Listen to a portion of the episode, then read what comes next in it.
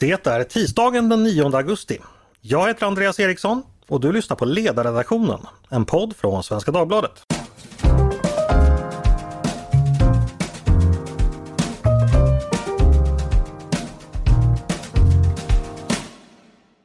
Varmt välkomna ska ni vara. Inför ett utökat tjänstemannaansvar. Eh, det är ett förslag som brukar dyka upp ganska ofta, har gjort det ganska länge. Det är också nu en krav i valrörelsen, bland annat från Moderaterna. Ulf Kristersson lyfte bland annat frågan i sitt Almedalstal i år. Tidigare har det funnits en majoritet i riksdagen för att utreda saken, vilket också skedde. Eh, men utredaren fann då att det nuvarande systemet var bra så inga förändringar verkar vara på gång just nu. Men vad är egentligen tjänstemannaansvar? Är det bra eller dåligt att utöka det? Och vad är argumenten för respektive emot? Det är dagens ämne och till min hjälp för att reda ut det har jag tre gäster, nämligen Linda Modig, Shervin Vahedi och Adam Danieli. Varmt välkomna alla tre! Tack så mycket! Tack så mycket! Tack! Linda Modig, du är riksdagsledamot för Centerpartiet och partiets första vice ordförande. Det stämmer. Eh, Shervin Vahedi, du är utredare på fackförbundet ST. Ja. Och Adam Danieli, du är verksam vid den marknadsliberala tankesmedjan Timbro. Jag tänkte vi skulle börja med dig Adam. Eh, du tycker att vi ska ha ett sånt här utvidgat tjänstemannaansvar. Varför det? Ja, precis. Vi på Timbro presenterade en rapport lite tidigare i år där vi pekade på just behovet av en, eh, ett utvidgat tjänsteansvar. Så det var väldigt roligt att Moderaterna eh, är inne på, på samma linje. Jag tror man måste förstå den här frågan lite grann mot bakgrund av den utveckling som vi har sett i den svenska förvaltningen under de senaste ja, men kanske decennierna. Eh, Sverige har ett väldigt, mycket, väldigt begränsat tjänsteansvar idag efter att man 1976 genomförde den så kallade ämbetsmannareformen eh, som innebar en väldigt stor avkriminalisering. Och idag så har vi eh, ganska många exempel nu på, på tillfällen där den offentliga förvaltningen inte uppnår det som eh, medborgaren ska kunna förvänta sig av den. Eh, vi har liksom allt ifrån passen till Transportstyrelseskandalen till regeringskansliets mörkande av, av uppgifter inför Coronakommissionen är, är ju sådana exempel. Sen är det ganska många strukturella problem också skulle jag vilja påstå där nya utmaningar kommer att utmana gamla system. Eh, man kan peka på olika typer av infiltration i kommunerna eh, och, och, ganska stora problem med organiserad brottslighet som också äter sig in i våra institutioner. Och Då tror jag att det är dags att börja fundera på de här, de här frågorna. Vad det är för ansvar som den individuella tjänstemannen faktiskt har i offentlig sektor. För att Sverige är ett ganska extremt land i det avseendet att vi har väldigt, väldigt litet personligt ansvar. Jag tror inte längre att det håller. Shervin, eh, ni på ST håller inte med Adam tror jag, eller ni har i alla fall varit skeptiska till liknande förslag tidigare. Eh, varför är ni det? Vad är det ni är eh, tveksamma inför? Ja, det stämmer och eh, min känsla är att det ligger lite i tiden på att man skriker på högre straff och enkla lösningar på komplexa problem. Eh, men i grund och botten så skulle jag säga att det finns idag många sätt att straffa eh, tjänstemän som begår tjänstefel. Ehm, och jag tror också att det här kommer leda till att tjänstemän blir rädda för att begå fel. Alltså, och detta skapar då en allmän osäkerhet och överdriven noggrannhet i, i eh, besluten som tjänstemän ska utföra. Och i sin tur leder det här till långsamma handlingstider, sämre service och det tror jag inte är en väg man vill gå åt. Men sen så eh, tror vi också att effekten av att eh, man eh, skulle utvidga eh, straffrättsliga ansvaret skulle innebära att eh, många tjänstemän inte skulle våga att säga ifrån när oegentligheter och, eh, begås. Och vi har idag eh, redan en eh, tystnadskultur inom staten och det här tror vi skulle liksom öka tystnadskulturen. Sen så måste vi fråga oss också, hur, hur motiverar vi människor till att göra ett bra jobb? Är det genom rädsla och repressalier eller är det genom att stärka tjänstemännen genom till exempel kompetensutveckling eh, så att de kan agera självständigt och rättssäkert utifrån såklart regelverken som finns. Vi på SD har ju länge förespråkat om att man ska införa till exempel en obligatorisk introduktionsutbildning för anställda där eh, anställda får lära sig om sina rättigheter och skyldigheter. Det är något som regeringen har infört men, eh, men vi menar att man måste lägga mer resurser på den här utbildningen. Det här menar vi är ett sätt att kunna stärka eh, tjänstemän. Okej, okay. ni ska båda få utveckla eh, argumenten vad det lider. Eh, Linda, jag vänder mig till dig. Eh, jag ska citera dig. Ett tydligt tjänstemannaansvar kan vara ett sätt att öka förtroendet för våra myndigheter och deras tjänstemän. Skrev du och några andra centerpartister i en motion för något år sedan. När saken utreddes så har Centern ändrat sig. Varför det? men vi står fast vid att dagens eh, tjänstemannaansvar är ändamålsenligt och när hovrättsrådet Rapp har utrett frågan så känner vi oss övertygade av hennes argumentation och analys. Vi menar ju att riskerna överväger nyttorna om man skulle gå vidare och utöka straffansvaret för tjänstepersoner. Vi menar ju att, att det framgår också tydligt av den här utredningen att den här kombinationen av straffrättsligt ansvar som dels finns med de disciplin, det disciplinansvar som finns så är det tillräckligt eh, för att man ska kunna åtgärda den som gör fel i tjänsten oavsett om det sker oaktsamt eller uppsåtligen. Så systemet som det är idag fungerar bra anser ni? Ja, tillräckligt väl i vart fall. Alltså det finns ju problem med en lättkränkthetskultur idag. Vi ser till exempel hur antalet klagomål hos riksdagens ombudsmän, justitieombudsmannen ökar. Eh, vi ser hur det blir ett allt aggressivare klimat som riktar sig mot tjänstemän i statens och kommunernas tjänst. Eh, vi har haft demonstrationerna till exempel mot medarbetare inom socialtjänsten som har ett viktigt uppdrag att att faktiskt omhänderta barn som riskerar att hamna i kriminella miljöer till exempel. Där man har åberopat att ett utökat straffansvar för tjänstepersoner skulle kunna vara eh, ett verktyg. Eh, och den här utvecklingen, det här hårdnande samhällsklimatet, det gör ju att vi kan inte skapa större osäkerheter kring tjänstepersoner utan vi vill ju ha tryggare och mer förutsägbara spelregler. Vi tycker att det finns problem idag men vi är inte övertygade om att det bästa sättet att åstadkomma det är just genom att öka, utöka straffansvaret. Eh, mm. När det gäller till exempel, det finns ju många problem, inte minst när det gäller miljöbalken. Eh, det finns påståenden om att eh, tjänstepersoner agerar aktivistiskt. Men då ska ju vi i politiken, vi som lagstiftare måste ta vårt ansvar och undanröja tolkningsutrymmet. Och här har vi haft en galopperande rättsutveckling till exempel på EU-rätten. Så här måste vi in som lagstiftare och krympa utrymmet helt enkelt och försöka tydliggöra lagstiftningen så att den blir rättssäker och effektiv för den orsakar många andra olägenheter. Okej, okay. eh, en liten bisak där. Du, du sa i början att vi hade en lätt, hörde jag rätt att vi hade en lättkränkthetskultur? Var det, det, var det så du sa? Ja, vi ser ju antalet klagomål i alla olika sammanhang ökar. Och du syftar alltså på medborgare som klagar på att de har blivit felaktigt behandlade av staten. Det är alltså frågan att de är lättkränkta? Är det, det är så du menar alltså? Nej, men, men vi har ju ett ganska oöverskådligt lapptäcke idag för klagomålshantering inom staten. Och det finns också problem med att tjänstepersoner idag blir uthängda.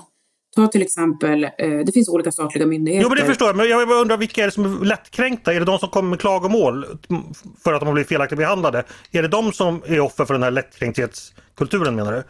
Nej men jag bara noterar att antalet anmälningar till till exempel justitieombudsmannen som är den yttersta ventilen, den har ju ökat lavinartat.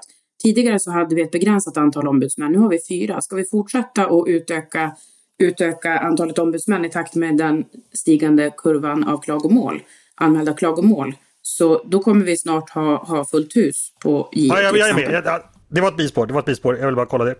Eh, Adam, när du hör Lindas och även Shervins argumentation här, är det någonting spontant du vill invända då övergripande? Ja, men jag, jag håller väl i grund och botten med om det som, som Shervin pekar på. Eh, jag tycker att det är de relevanta invändningarna som finns. Eh, jag vill peka på att det, det, i grund och botten är det ju inte fråga om att, att straffa fler utan att kunna sätta tydligare och rimligare gränser. Och jag håller också med om att i grunden så är det institutionella förändringar som jag tror påverkar eh, mer huruvida, det blir, eh, huruvida handläggningen vid våra myndigheter blir, blir eh, bra eller inte. Å andra sidan så, så, tycker jag nog inte att, att de här invändningarna, även om de är relevanta, att de, att de riktigt håller. För att det vanligaste man hör är ju att det här kommer att göra ämbetsmännen rädda.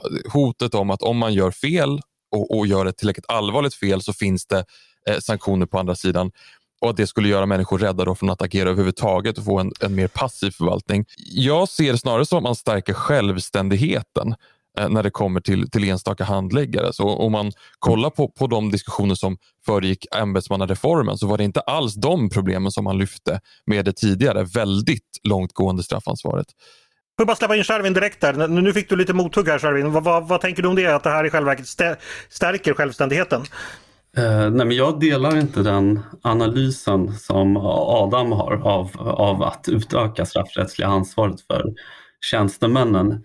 Eh, visst, det finns problem idag i, i vår statsförvaltning men vi menar att det, det här beror på liksom strukturella organisatoriska problem som finns inom staten. Till exempel att man tvingas till att göra generella besparingar vilket gör att man måste dra ner på personal det ökar arbetsbelastningen och såklart så kan det eh, ske fel. Vi ser också att man till exempel sparar in på myndigheten, man skär ner på personal år efter år. Sen uppstår det en kris, till exempel migrationskrisen vi hade eh, i samband med att Ryssland invaderade Ukraina. Då, då blir man till exempel tvungen att anställa massa nya på, med dåliga villkor, korttidsanställningar.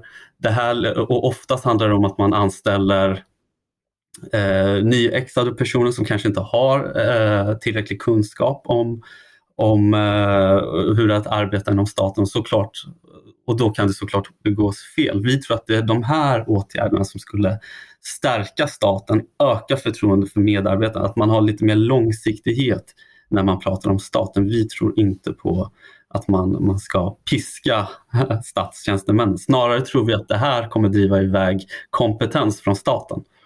Piska inte våra medlemmar är ert budskap helt enkelt. Eh, Adam, jag tänkte att du ska få gå ner lite mer eh, i detalj på vad du eh, eller ni på Timbro faktiskt föreslår. Mm. När jag läste en debattartikel då var det tre saker ni lyft fram där som hette sekundärt straffansvar för tjänstmissbruk, disciplinansvaret ska, ska bli heltäckande och JK och JOs roll bör skärpas.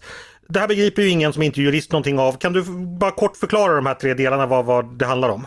Eh, ja, precis. Utan att bli alltför för tekniskt kan man ju säga att dagens ansvar är uppdelat på, på två olika nivåer. Det finns ett arbetsrättsligt ansvar, det som kallas för disciplinansvar och så finns det ett, ett högre, mer allvarligt då, straffansvar och det är då man döms för, för tjänstefel i, i domstol. Och Det finns ganska många tekniska problem med den här utformningen. Jag, jag, till exempel så, jag delar kanske inte utredarens slutsatser kring att den här utformningen faktiskt är, är lämplig. Om man jämför med till exempel Norge, Danmark och Finland så har de alla eh, mer långtgående straffansvar, de har bredare straffansvar och jag tycker att de träffar bättre det man egentligen vill göra, nämligen att skydda förvaltningen mot otillbörlig hänsyn i, i handläggning och, och agerande.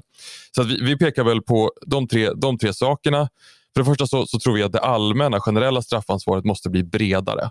Idag så gäller det i vid myndighetsutövning, står det i lagtexten. Och Det är alltså i princip i samband med att man utövar offentlig makt. Då har man ett, ett straffrättsligt eh, Eh, en straffrättslig ram. Men väldigt mycket av det som sker inom den offentliga sektorn är ju inte myndighetsutövning. Så det finns ganska mycket saker som man skulle kunna kunna ägna sig åt på myndigheter. Man skulle kunna motverka tillsyn, man skulle kunna gynna människor på, på eh, vänner och bekanta utan att det är frågan om myndighetsutövning. Då faller man utanför eh, det, straffrättsliga, det straffrättsliga området. Sen så vill jag peka på att disciplinansvaret är nog det som funkar allra, allra sämst. Tanken var att det skulle ersätta väldigt mycket av det tidigare ansvaret, ansvarsutkrävandet när man gjorde den här tjänstemannareformen. Men det har blivit en, en misslyckad reform. Det, här, det är inte he, tillräckligt heltäckande. Om man kollar på statliga myndigheter i Sverige så är det bara 70 procent av dem som har eh, en nämnd som hanterar den här typen av eh, lägre fel, okay. alltså som inte okay. är straffrättsliga. Så att, Ja, vi, vi stoppar där ett ögonblick så ska vi släppa in Linda. Här, här kommer ju då, då Adam med, med, två saker. Dels det här med att vid myndighetsutövning träffar inte allting så att säga. Och sen menar han att det här disciplinansvaret som då var tänkt att ersätta det tidigare ansvaret att det fungerar dåligt och inte heltäckande. Nu får du lite mer praktiskt eller liksom mer djupgående eh, motargument, Linda. Hur, hur, hur, värderar du dem så att säga? Ja, men jag tycker vi måste backa tillbaka och djupdyka i vad ett utvidgat straffansvar skulle innebära. Det förutsatte ju för det första att vi får tydliga definitioner av vilket agerande i så fall som skulle vara brottsligt. Och det i sin tur innebär ju att det skulle bli mer detaljerade regler av bindande karaktär. Och det här leder ju till en ökad detaljstyrning. Det skulle minska effektiviteten i det offentliga och kanske också sänka kvaliteten. Och det tycker vi i Centerpartiet inte är en önskvärd utveckling. För att vi måste ju kunna balansera olika storheter i det offentligas tjänst. Vi har också en viktig skyldighet att vara aktsamma om skattebetalarnas pengar.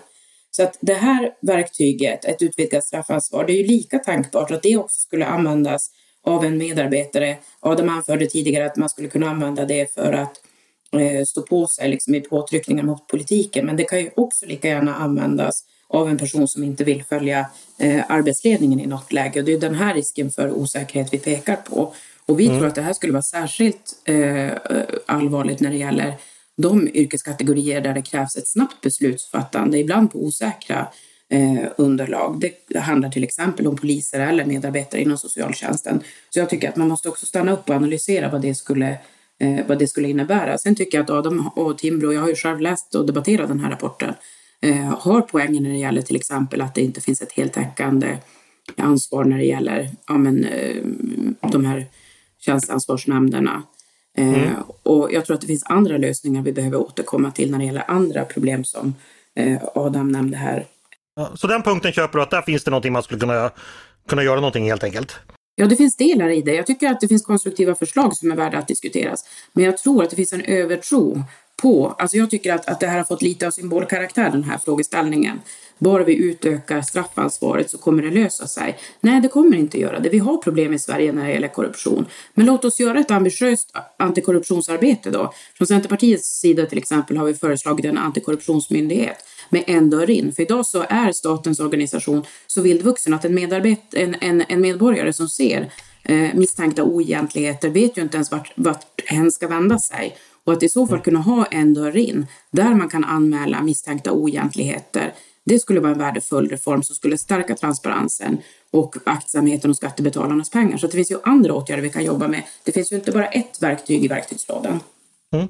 Eh, Adam, du hade, ni fanns ju ett ytterligare förslag där ni var inne på det här med att stärka JK och JOs roll som yttersta garant. Eh, eller skärpa den rollen så att säga. Mm. Vad hoppas ni skulle kunna åsta, åstadkomma med det? Vad, vad, vad, vad, går det ut på så att säga? Nej, för, först så skulle jag nästan vilja kommentera det här med effektivitet. Alltså, det, det här är också ett argument som man hör ibland att det skulle sänka effektiviteten. Ja, och jag vill ändå betona att så här, i, i, våra nordiska grannländer är det inte så att man lider av en, en ineffektiv offentlig förvaltning. Och jag tycker att det saknas lite grann ett rättighetsperspektiv. Att först sätter vi upp reglerna och sen så får vi faktiskt trimma den offentliga förvaltningen så att den blir tillräckligt effektiv. Det finns liksom någon slags, man måste ha någon slags skydd som medborgare mot, mot att handläggningen eh, håller bristande kvalitet också. Men precis, JO och JK eh, är två myndigheter som, som eh, de utövar extraordinär tillsyn.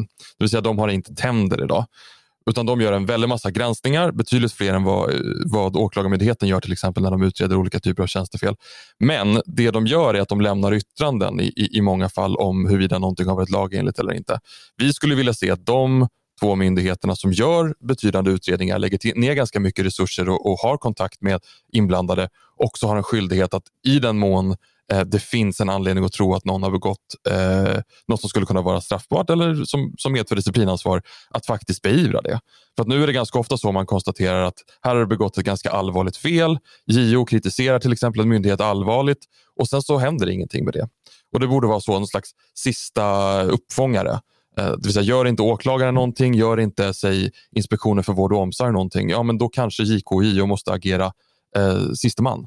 Vi jag ska ta in Shervin här. Nu har du fått höra Adam utveckla sina förslag lite. Är det någonting i det han säger du, du känner att man skulle kunna plocka upp och gå vidare med som du tycker låter vettigt eller kvarstår din så att säga, kritik? Eh, nej, men min kritik eh, kvarstår, men jag tycker också det är intressant eh, när Adam inledde med olika exempel kring fel som begås så handlar de exemplen handlar egentligen om politiska eh, fel och politiskt ansvarsutkrävande är vi för. Och jag ser inte hur de exemplen Adam lyfte fram i början skulle kunna åtgärda, åtgärdas med hjälp av, genom att piska på eh, de statligt anställda. Eh, sen så, det jag inte förstår heller och det kanske Timbro kan utveckla här är just liksom vad är man anser inte straffrättsligt idag som man vill föra in i det här regelverket. För, för just nu pratar vi om känslor. Det finns en känsla om att tjänstemän begår brott men sen så har vi ingen liksom data på detta eller finns det något konkret regelverk och då ska man i så fall jobba mot det här regelverket. Mm. Adam, du får svara direkt på det. Ja, för det första kan man säga att det, det finns ju, det, i Sverige så har vi ju ganska svårt med det här gränslandet mellan politik och förvaltning. Det blir ofta ganska utsuddat. Ansvaret är inte så tydligt. Men det finns ju ganska många exempel skulle jag vilja hävda på när det verkligen ligger hos, hos förvaltningen och där det här straffrättsliga kommer in. Man kan ju ta Transportstyrelseskandalen till exempel som ju inte medförde eh, särskilt allvarliga konsekvenser. Man kan också ta Statskontorets GD som, som eh, för inte så länge sedan bröt mot hur man ska anställa personer i offentlig sektor och anställde en kompis. Det är heller inte eh, straffrättsligt sanktionerat idag. Men, men, det handlar ju om det här vid myndighetsutövning och i många andra länder, Norge och Danmark till exempel, så finns det också ett, ett brott som heter myndighetsmissbruk där man använder, utan krav på att det ska vara fråga om myndighetsutövning, där man använder offentlig makt otillbörligt. Och Det tror jag att man behöver kolla på, för då skulle det kunna vara eh, till exempel eh, inköp, upphandlingar och anställningar som inte alltid är räknas som myndighetsutövning och där det i praktiken är då strafffritt om det inte finns ett fulltäckande disciplinansvar. Jag skulle också vilja lyfta upp den, den kommunala sektorn här, för det är ju där ganska mycket av den offentliga maktutövningen sker. Och vi har ju, vi har ju ganska allvarliga problem i Sverige med det som kallas för kommunal domstolstrots. Eh, där höga tjänstemän i kommuner eller kommunstyrelsen till och med fattar medvetet regelvidriga beslut för att de vet att det här är inte Eh, det här är inte myndighetsutövning, alltså kan vi inte bli straffrättsligt ansvariga. Och Det händer inte, inte allt för sällan när det kommer till till exempel byggnationer i strid mot eh, förvaltningsrätternas domar. Det kan handla om olika typer av eh, bolagiseringar och sådär som inte riktigt är eh, myndighetsutövning men som därför faller utanför eh, det straffbara området idag. Och Där tycker jag det är ganska tråkigt att, att, läsa i utredningen som kom nu i våras för att man konstaterar att det finns ett jättestort problem med kommuntrots. Lagrådet konstaterar att det här, Högsta domstolen har konstaterat det här, att det är konstigt att man i Sverige kan fatta helt domstolsvidriga beslut och undkomma ansvar. Och Samtidigt så landar utredningen i att nej, vi behöver inte förändra det här ansvaret. Det går liksom inte riktigt ihop. Det finns bra argument på många ställen, men just det där, att använda avgränsningen myndighetsutövning, tror jag är, är det är problematiskt. Eh, jag tänkte ställa en fråga, eh, kanske i första hand till Linda och Shervin. Det är ju så att statliga tjänstemäns, alltså deras omdöme och deras preferenser och hur de fattar beslut har ju en, har ju en väldigt stor påverkan på enskilda människors liv. Särskilt i ett land som Sverige där, där den offentliga makten har att göra med så mycket eller så stora delar av vårt liv. Alltså, tjänste, tjänstemän kan låta gripa mig, man kan låta åtala mig, man kan utreda om jag ska ha eh, kvar mina barn eller om mina barn ska skiljas från mig, om jag ska kallas in i lumpen, om jag ska betala skatter, om jag ska... Alltså, det är enormt mycket beslut som... Alltså med det enorma makten så tog det väl också följa ett, ett stort ansvar och om det ansvaret missbrukas så borde det väl ändå finnas väldigt starka möjligheter till sanktion, tycker jag som lekman. Eh, finns det verkligen det idag? Eh, mot bakgrund av den här diskussionen vi har nu. Linda, vad tänker du? Jag tänker att vi behöver öka det politiska ansvarsutkrävandet och jag välkomnar verkligen att Adam ja, fast, fast jag, pratar inte, jag, jag pratar inte bara politiker nu utan liksom lagarna, alltså det är ju många tjänstemän som ändå använder sitt omdöme och, och, och, sina kunskaper och preferenser för att fatta beslut över mig så att säga. Ha, ha, har inte jag då någonstans rätt att om det blir fel eh, ska det inte komma en sanktion eftersom man då, det kan drabba enskilda så fruktansvärt hårt? Absolut, men nu har ju Adam pratat länge och väl om ansvarsutkrävandet, rättighetsperspektivet och JO och och jag vill gärna eh, kommentera det därför att det är viktiga frågor. Och när det gäller ansvarsutkrävandet, jag välkomnar ju att, att eh, Adam gör de här nordiska utblickarna. Men låt oss komma ihåg att både Norge och Danmark, där har man ministerstyre. Så ska man bryta ut och diskutera enskilda reformer så tror jag att det är viktigt. Jag är ändå talesperson för konstitutionella frågor. Då måste vi titta på hela det konstitutionella systemet. Och där tror jag att vi har något att lära i Sverige när det gäller det politiska ansvarsutkrävandet. Eh, Likaså när det gäller det här med, med förslagen om att öka möjligheterna för JO och JK, eh, eller snarare att Timbros förslag är att man ska utöka skyldigheten för dem att väcka åtal för fel och tjänstemissbruk. Här har vi från Centerpartiet föreslagit fler ordinarie tillsynsorgan för ett stort problemområde hos JO idag till exempel, det är ju att många som är föremål för kriminalvårdens insatser oavsett om man sitter häktad eller man sitter i förvar eller man är, man är eh, på, på anstalt intagen på anstalt så finns det enormt många klagomål och här har inte kriminalvården ett ordinarie tillsynsorgan. Samma sak med polisen.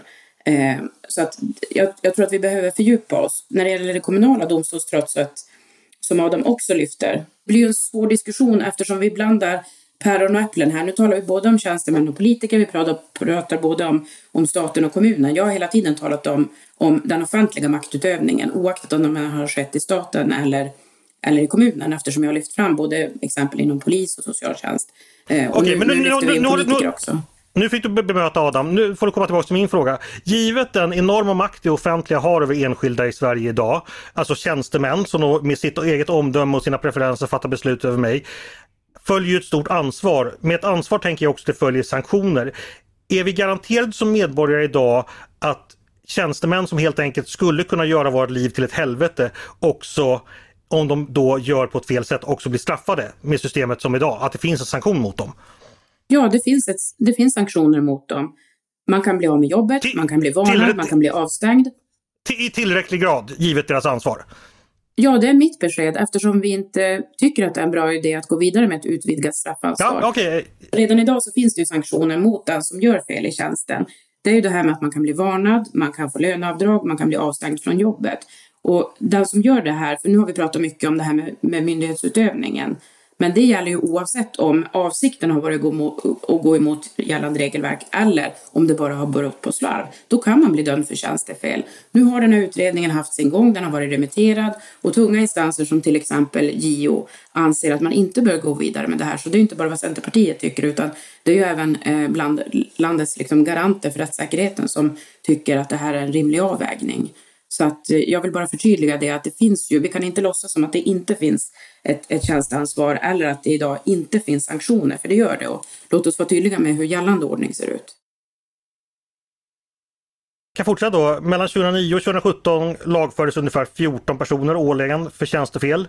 Inga av dem fick, fick fängelse. Motsvarar det, tror du Linda, den verkliga antalet fel som begåtts av svenska tjänstemän och graden av allvaret i dessa fel? Jag känner inte att jag har förutsättningar som politiker att liksom recensera hur domstolarna har dömt av de här 14 målen. Jag ber, dig inte recensera, jag ber dig säga ifall du tror att det sammanlagda antalet motsvarar antalet fel och dess allvar. Det är alltså på aggregerad nivå. Jag tycker inte att det ger någonting att spekulera i det, utan det där är också ett resonemang som, som utredaren har fört. Eh, jag kan inte bedöma om antalet väckta åtal står i paritet liksom till... Eh, det här är ju en fråga om vad som är liksom upplevd eh, brottslighet och vad som är faktiskt. Jag, jag har inte underlag att uttala mig om det, så det, det avstår jag ifrån. Okej. Okay. Då ska vi gå vidare. Linda var lite inne på det i en artikel hon skrev eh, och även vad jag pratade om tidigare att ett hårdare politiskt klimat skulle kunna skapa större incitament att så att säga ge sig på enskilda tjänstemän. Jag skulle kunna tänka mig att vissa politiska krafter anser att eh, enskilda tjänstemän som att ja, släppt in för mycket invandrare eller hur man nu skulle uttrycka det eller något liknande. Att utsätts för någon slags revanschistiska angrepp genom olika typer av sådana här åtgärder. Eh, vad tänker du om den risken? Eh, är det så att det här är sällsynt dåligt passande i det politiska klimatet vi är i idag? Eh, Adam, vad säger du exempelvis? Nej, det skulle jag inte säga. Jag skulle snarare säga att det är tvärtom. Att man behöver stärka upp eh, liksom normbundenheten och lag, lagstyret ännu mer. Jag tyckte det var en intressant sak som Linda pratade om där, att, att Danmark och Norge tillämpar ministerstyre. Och Det tycker jag är en, en väldigt viktig sak. Jag skulle gärna se mer av det i, i Sverige. Men Sverige styr ju bara via normer. Politiker fattar inga beslut. Morgan Johansson fattar inte beslut i åklagarfrågor eller vad det nu kan vara. Och Jag tänker nästan att det talar för ett starkare tjänsteansvar, det vill säga att man måste ha hårdare pli på att de normer som man faktiskt använder och styr med när man inte får gå in med andra medel faktiskt, eh, Eh, faktiskt följs. Så att jag tror inte att det där, eh, frågan om, om aktivist på myndigheterna tror jag inte att man kommer åt kanske i första hand med tjänsteansvar, men jag tror att, att i den mån vi har väldigt, vi överlåter väldigt mycket känsliga beslut på sätt som vi inte kan utkräva ansvar politiskt, ja då krävs det nog inte ett eh, mindre utan ett tydligare tjänsteansvar, alltså utkrävande på juridisk väg. Eh, Kärven, om jag går till dig då. Det här med att vi har ett samhällsklimat där man så att säga kan mer vara, vara ute efter enskilda tjänstemän och att det finns starkare polarisering i samhället. Eh, ser du några risk, också risker med det och, och just i anslutning till den här frågan? Eh, ja, alltså det här är ju något vi ser redan idag i våra arbetsmiljöundersökningar. Alltså hot och våld mot eh, tjänstemän har ökat. Oftast handlar det om att man är emot ett politiskt beslut som tjänster mannen tillämpar och följer reglerna men för att man personligen kanske är emot det här förslaget så går man åt eh, tjänstemännen och, och det, det, vi har flera fall där man har hängt ut olika handläggare för att de har beslutat enligt regelverket så absolut så, tror, så håller jag med om den analysen från Lindas artikel. Mm. Eh, ja, Linda, finns det någonting ytterligare du vill, eh, vill, vill utveckla kring det? Nej, egentligen inte, för tyvärr är det ju så. Jag har ju pekat på flera exempel redan att vi ser redan nu, vi har sett demonstrationerna mot socialtjänsten, hur man motsätter sig beslut på, på liksom oriktiga grunder och tror att ett utökat tjänsteansvar skulle vara ett effektivt medel mot detta. Eh, så att jag tror att det finns betydligt bättre verktyg. Vi har hela situationen med ökat hot, hat och trakasserier, uthängningar av enskilda medarbetare för att man tillämpar lagstiftning. Jag tycker att vi som lagstiftare har en skyldighet att ta ansvar när det gäller att höja prestandan i lagstiftningsarbetet. Till exempel när det gäller just att säkerställa att lagstiftning är förutsägbar och rättssäker, att den går att tillämpa. Och just den här frågan om tillämpningssvårigheter av de nuvarande tjänstefelsbestämmelserna, det är också någonting som JO uppehåller sig vid vid remissvaret på, på den här utredningen och konstaterar att hon i vart fall inte anser att det föreligger sådana. Så jag tycker inte att det är så oklart rättsläge just när det gäller frågan om, om tjänstemannaansvaret. Eh, några avslutande ord från dig Adam? Nej, jag kan bara passa på, jag håller med om det här med, med situationen för, för många tjänstemän på myndigheter. Ofta får man ju bära hundhuvudet för tuffa politiska beslut och jag menar har man en digital värld så, så kan det ju bli väldigt, väldigt in, eh, kan det ju bli, spridas väldigt, väldigt mycket. Eh, jag vill nästan avslutningsvis bara egentligen betona att det här är ju en del av väldigt många andra institutionella förändringar som man skulle behöva göra. Det är ju inte frågan om att vi ska lösa speciellt många av förvaltningens stora problem med, med den här typen av, av reform, utan det behöver kompletteras med en massa olika så man har förutsättningar att göra rätt. Men samtidigt så tror jag att det finns både en social funktion och en liksom förtroendefunktion. Att veta att det finns eh, i förvaltningar som inte är politiskt styrda framför allt, alltså statliga myndigheter, att det också finns ett, ett rättsligt verktyg att ta till. Eh, men, men, eh, som sagt, det här, vi skulle, behöva, vi skulle kunna prata hur länge som helst om, om andra åtgärder som vi skulle behöva eh, prata, eller skulle införa.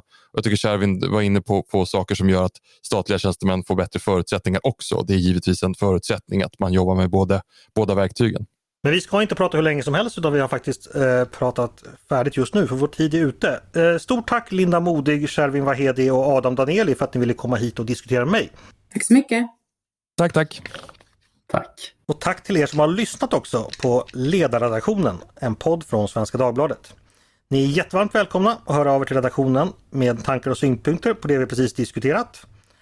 Ni kanske har förslag på hur vi ska lösa problemen i förvaltningen, med eller utan utökat tjänstemannaansvar.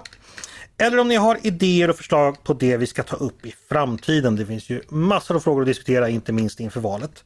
Maila då jättegärna mig på ledarsidan snabla svd.se.